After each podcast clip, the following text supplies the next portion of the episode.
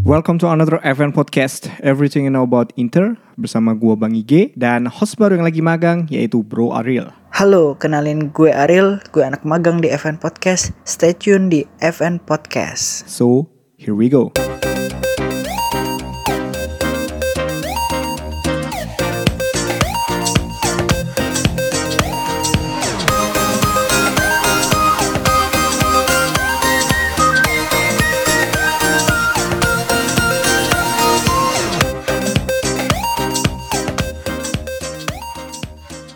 Kembali lagi di event podcast ini dan yap seperti lu dengar di intro bahwa gue nggak sendiri ada apa namanya host lagi magang nih. Ya nggak podcaster lagi magang di FN yo ada bro Ariel eh bro. Halo, halo semuanya. halo. Nih eh, sekarang di mana sih? Di Jogja ya? Di Jogja benar, kata Bang IG. Aku domisili sekarang Jogja, tapi asalnya dari Kalimantan. Kita FN Media News eh, terutama dari FN Podcast ini coba eh, merefresh ulang podcastnya mudah-mudahan uh, fans lo pada suka ya kan terus eh Real gue mau tanya nih Hmm. eh awal mula lu tahu FN dari mana ya Nah, asik nih. Senang aku kalau bahas event nih.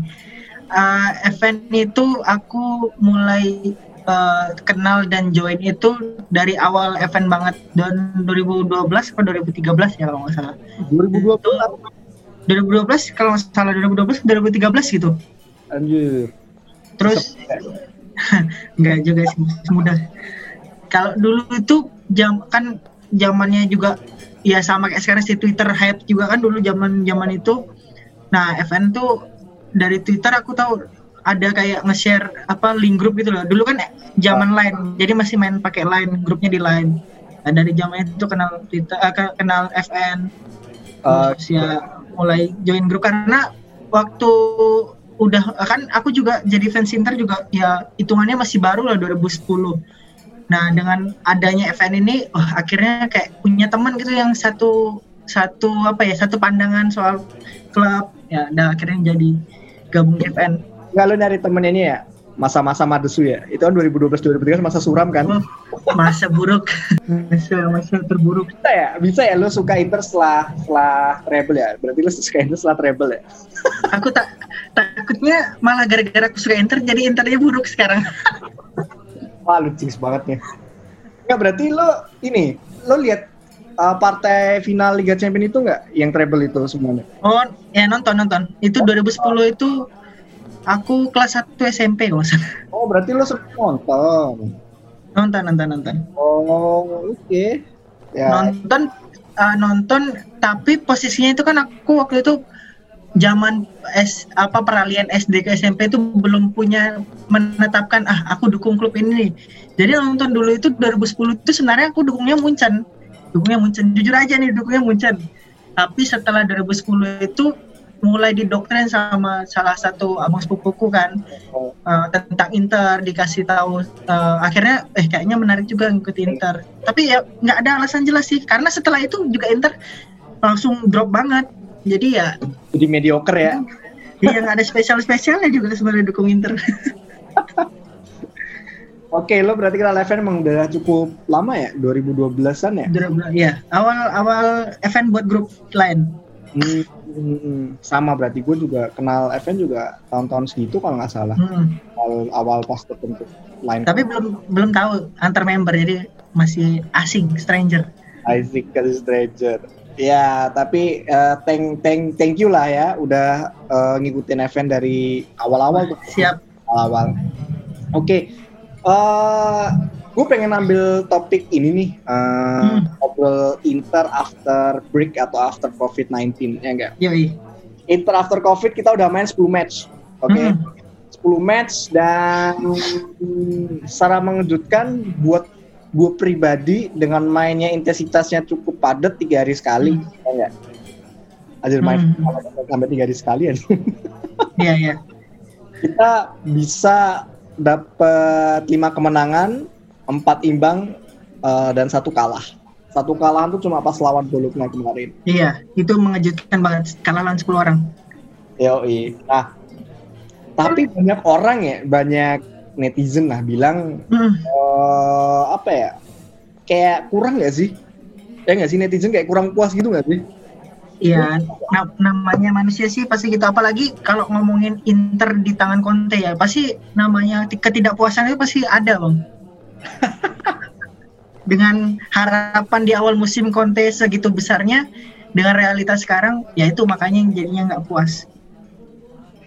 Tapi eh aneh, gue udah sering eh, bilang ya, eh, maksudnya Hmm, udah pernah sering bilang bahwa dengan kehadirannya Conte itu jangan langsung berharap kita hmm, langsung juara. Hmm, hmm. Gue pernah liput satu bikin satu podcast gue bilang lu kalau mau Conte juara itu seenggaknya lu butuh 2 sampai 3 tahun buat Inter. Iya, iya, iya. Kita mediocre semua soalnya. Setuju, setuju. Ya, pemain kita mediocre semua. Hmm, Dan gue tadi sempat bikin eh, ini apa namanya eh, ringkasan 10 match kita tuh lawan siapa aja gue sempat bikin hmm. dan gue lihat statistiknya kita cuma kalah sekali dengan intensitas tiga hari sekali main itu menurut gue luar, Luar biasa. biasa. Iya. Menurut gue juga. sekarang so de- dengan apa dengan games tiga hari sekali dan kondisi yang kita tahu kualitas pemain Inter yang sampai sekarang tuh masih ya gini-gini aja menurutku juga luar biasa sih dan kita ada cedera loh banyak cedera loh iya ya enggak banyak cedera Uh-uh. banyak cedera sering ganti-gantian kayak Barella terus Vecino tuh kan juga baru sembuh. Uh, terus akhirnya dipaksain main. Sama ada ah, nih satu pemain yang cedera tapi nggak pernah main lagi. Asamoah. Asamoah ya? Ah. tapi dia masuk bench kan kalau salah? Di laga apa itu masuk bench kalau nggak salah? Iya sih ya kan? Hmm. dan tapi eh, emang sih sebenarnya secara statistik kita bagus. Iya. cuma timingnya nggak pas bro. Gue bilang. Hmm. Di mana emang sebenarnya kita punya eh, chance untuk seenggaknya itu eh, menempel Juventus secara ketat ya iya. lawanan sampai akhir pekan lah ketika nanti Hmm. lawan Atalanta ataupun Napoli yaitu ketika Hmm. kita imbang lawan Sassuolo sama kalah sama Iya. Bologna itu doang itu Hmm. mau eh yang gue sesali sih sebenarnya ketika kalah sama Bologna sebenarnya kalau kalau aku melihatnya sebenarnya menilai Inter sekarang itu buatku pribadi itu bukan Inter yang buruk seperti musim-musim kemarin. Cuma sekarang tuh Inter di kondisi tidak beruntung aja. Contohnya contoh nyatanya dan baru terjadi semalam laga lawan Fiorentina. Dan itu tuh eh, apa ya? Memang memang di sepak bola itu uniknya di situ gitu loh. Karena kerja keras tidak dibarengi percaya tidak percaya dengan Dewa eh, Dewi Fortuna itu juga susah gitu loh. Lihat kondisi semalam dua kali kena tiang, terus uh, beberapa peluang yang udah hampir 100% gol justru nggak gol segala macam. Menurutku Inter tuh tidak buruk dengan kondisi sekarang. ya ini pernah kerasukan live Yasin katanya si Twitter admin. Iya, tapi gue lihat ya eh, lu eh, bilang pertandingan Fiorentina gue lihat uh, setelah Erikson coy. Erikson mulai nyetel ya. Gue lihat iya, iya, ngamik tau. Maksudnya anjing keren nih Erikson nih gitu loh. Iya makanya. udah Makanya enggak kak opini in- apa Erikson buruk itu menurutku opini yang terlalu itu terlalu terburu-buru gitu loh. Maksudnya dia juga baru datang harus adaptasi segala macam. iya iya. Dan ya itu muncul gara-gara kita setelah imbang lawan ini kan Sassuolo terus Hmm. lawan pas Bologna ya kan Iya iya iya. itu udah setelah lawan Bologna kita imbang lawan Verona coy dua sama Iya iya. ya kan itu makanya ya lu tahu sendiri lah media kalau Inter kalah itu wah nyerangnya Wah, nyerangnya tuh bener-bener gak jelas kayak eh, kayak Conte out segala macam diisukan nggak Iya, diperpanjang di, segala macam. di- apa namanya diisukan hengkang aja Iya. Makanya Inter tuh jadi bahan bahan buat pemberitaan karena kan bahwa lumayan menarik. ya itu menandakan bahwa Inter tuh target ini tahu apa namanya target Iya. eh, pasar yang empuk Iya bener. Berarti tim lain mediocre artinya. Tapi gue lihat ya, eh, Nah, kita main hampir setiap pertandingan kita nyetak gol. Cuma kita eh, pecah tuh was lawan semalam lawan Fiorentina. Iya, uh, lawan Fiorentina semalam. Sayangkan kita kosong-kosong dan eh, di sini ada satu sosok yang benar-benar kita akuin ya kan kita kayaknya semua netizen akuin kebangkitan Alexis Sanchez. Wah. Luar biasa itu. Salut aku ngeliat Sanchez. Ya nggak sih Alexis Sanchez lumayan tuh. Ya nggak? Kamu menurutku s- udah ya maksudnya dia menemukan form dia kembali ketika dia di Udinese bang. Waktu waktu dia di Udinese yang dia mulai cemerlang-cemerlangnya tuh ya di Inter dia cocok lagi gitu loh. Udah nemuin peak formnya. Yo yo bener-bener. Dan Sanchez juga udah ngomong secara terbuka bahwa dia pengen uh, lanjut ke Inter sebenarnya. Mhm. Asalnya ada di MU kalau gue lihat di sini sekarang. Karena Itu kalau yang gue baca sebenarnya masalah digaji nggak sih?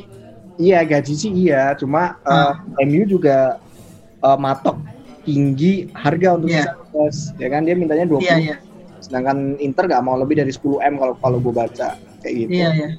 Nah, yang jadi masalah sebenarnya ketika nanti Inter uh, menghadapi ini uh, Eropa League, ya kan? Hmm. Hmm. Cuma bisa dima- dimainkan ketika lawan Getafe doang isunya. Iya iya. Lolos, kalau kalau belum ditebus kan ya maksudnya kalau masih masa pinjaman dia cuma Getafe doang kan di Europa League oh iya, benar. Makanya nggak tahu nih hasilnya tuh kayak gimana. Uh, menurut lo ada satu atau pemain lain nggak yang dari 10 match ini kira-kira yang uh, bersinar? bersinar ya kalau gue lihat sih kalau dari sisi kalau bahas sisi per sisi kalau dari penyerangan ya memang memang Sanchez itu jadi momok utama sih kalau kalau sekarang. Oh. kalau untuk lini tengah nah aku sebenarnya menyoroti eh, ini ya apa Gagardini ya. Kemarin tuh sejak dia eh, sejak dia yang apa gagal gagal buat gol itu tapi setelah laga itu kalau menurutku pribadi dia tuh kayak introspek diri gitu loh. Kayak mulai permainannya tuh ya udah udah apa ya udah menemukan kayaknya ya ginilah cara aku main tapi ya kalau kalau aku pribadi melihat dia eh, untuk musim depan mungkin untuk per, di setengah musim mungkin masih bisa dipertahanin sih kalau tuh sebagai sebagai backup sebelum sebelum mungkin Inter punya target lain untuk lini tengah. Terus kalau kalau pemain yang bersinar menurutku eh ya itu tadi Erikson doang sih maksudnya yang udah mulai udah mulai nyetel sama Sanchez. Selebihnya ya sama seperti sebelumnya sebelum sebelum itu apa masa Covid ini. Ya, kalau ya iya sih San Sanchez lo bilang ke Giardini cukup surprising ya gue lo Hmm. main di Giardini satu pemain yang eh, menurut kali itu tadi yang bersinar sekarang underperform deh kalau Hmm. menurut- eh, lo gimana kalau gue ya underperform itu. Lautaro Martinez Oh Lautaro ya oke. Martinez itu menurut gue underperform dan Hmm. eh, nggak tahu kenapa apa ya eh dia kayak kehilangan sentuhannya dia loh sebelum Iya. belum break gitu Ya kayak apa ya kalau dibilang setengah hati nggak nggak bisa juga kita nilai kayak gitu ya karena pemberitaan di media juga kan kita nggak tahu maksudnya gimana kebenarannya kan. Tapi ya memang memang aku setuju kalau apa sama bang Igi kalau misalnya Sanchez eh Sanchez Lautaro itu kayak udah itu ya udah menurun menurun jauh sih menurutku. Makanya. Di awal musim. Makanya gara-gara gara-gara udah nggak ada tektokan Lautaro sama Lukaku Lukaku tuh cuma bisa ngegolin satu dua ya ya tiga gol dari 10 pertandingan coy tiga gol doang dari 10 pertandingan ya kan? Tektokan Aha. sama Martinez sudah hilang kalau gue makanya kalau bisa dijual dijual sih kalau gue kalau aku ya lepas menurutku. Iya makanya. Lepas tebus Sanchez. Asik terus Eh, terus itu loh bang. Kalau kalau menurut bang Igi kalau eh, kalau aku juga ngelihat uh, Skriniar di tangan Conte sekarang itu mungkin kayaknya tidak seberingas musim lalu ya tapi Skriniar ya tapi buat gue biasa sih eh, dalam artian Ah. eh, even pemain top pun kayak macam Messi Ronaldo Hmm. mereka punya musim yang buruk di suatu musim Hmm. ya. kan perform seperti biasanya ya kan Hmm. sering terjadi ya Kalau menurut gue Skriniar lagi di um, lagi di level itu kalau menurut gue. Dan Mhm. dia juga uh, peralihan dari dua back jadi tiga back. Ya enggak. Oh ya, oke. ha. gue sih ke kenapa si Skriniar eh, nggak terlalu wah ya ketimbang Bastoni ya nggak kita menurut gue emang di back Bastoni yang benar-benar apa ya mencuri panggung dari semuanya back lah selain the Hmm. ya selain the Fried juga eh, masih stabil konsisten Godin ya, ya stabil lah, itulah kondisinya.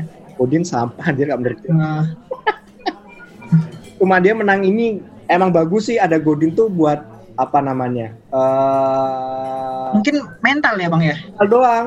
Jadi dia Iya. ngadepin doang sebenarnya.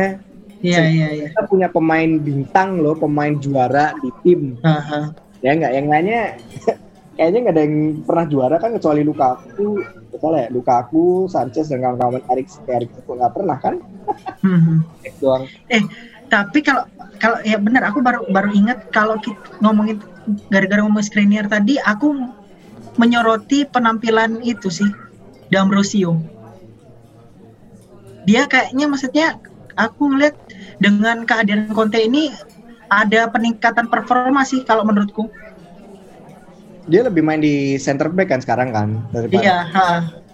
Maksudku kayak dari segi dia dia keberanian untuk dribble terus secara secara passing segala macam itu kayak menurutku ya menurutku pribadi itu ya ada peningkatan dibanding dibanding terus dia juga uh, udah udah jarang balik apa telat balik. Kan dia sering juga maju tapi ya lumayan lah sekarang udah tidak seburuk musim-musim sebelumnya sih menurutku.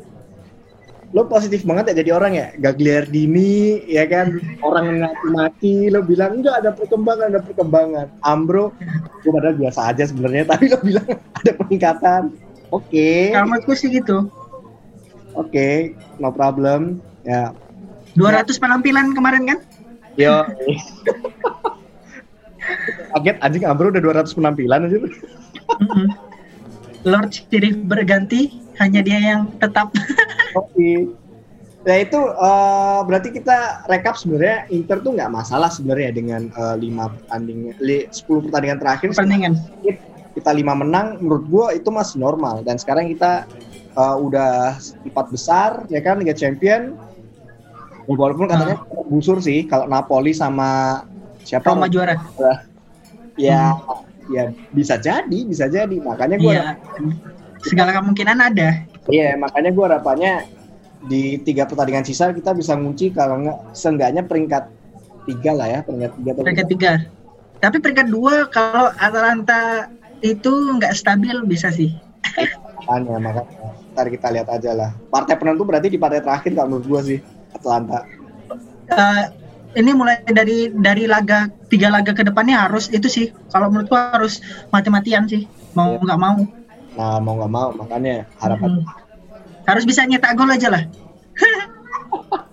stay tune terus di eh, FN Podcast eh, bersama gue Bang dan ada Ariel Ariel. dan menurut lo nih lawan Genoa prediksi singkat aja menang atau kalah Menang 2-0. asik yang ngegolin Yang ngegolin Sanchez Lukaku lah. asik saja Lukaku Sanchez udah kena tiang loh kemarin. Lukaku juga kena tiang kan sundulan kan Oh iya, Lukaku kena tiang juga tanduannya. Oke, thank you dan uh, see you on the next episode. Bye bye.